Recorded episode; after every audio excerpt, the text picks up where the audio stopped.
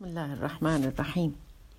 لماذا نقول ونحن نقرأ التشهد في الصلاة كما صليت على إبراهيم وكما باركت على إبراهيم؟ ما معنى سيدنا إبراهيم من بين الرسل؟ بالأخص الذي يذكر اسمه في صلاة المسلمين إلى يوم القيامة.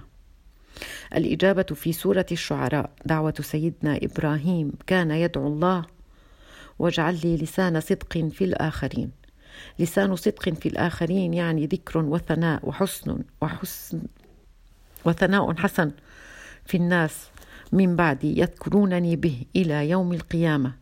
فاستجاب الله تعالى لدعائه وقال سبحانه وتركنا عليه في الآخرين وتركنا عليه في الآخرين يعني وأبقينا على إبراهيم ذكرا جميلا وثناء حسنا في الناس من بعده إلى يوم القيامة.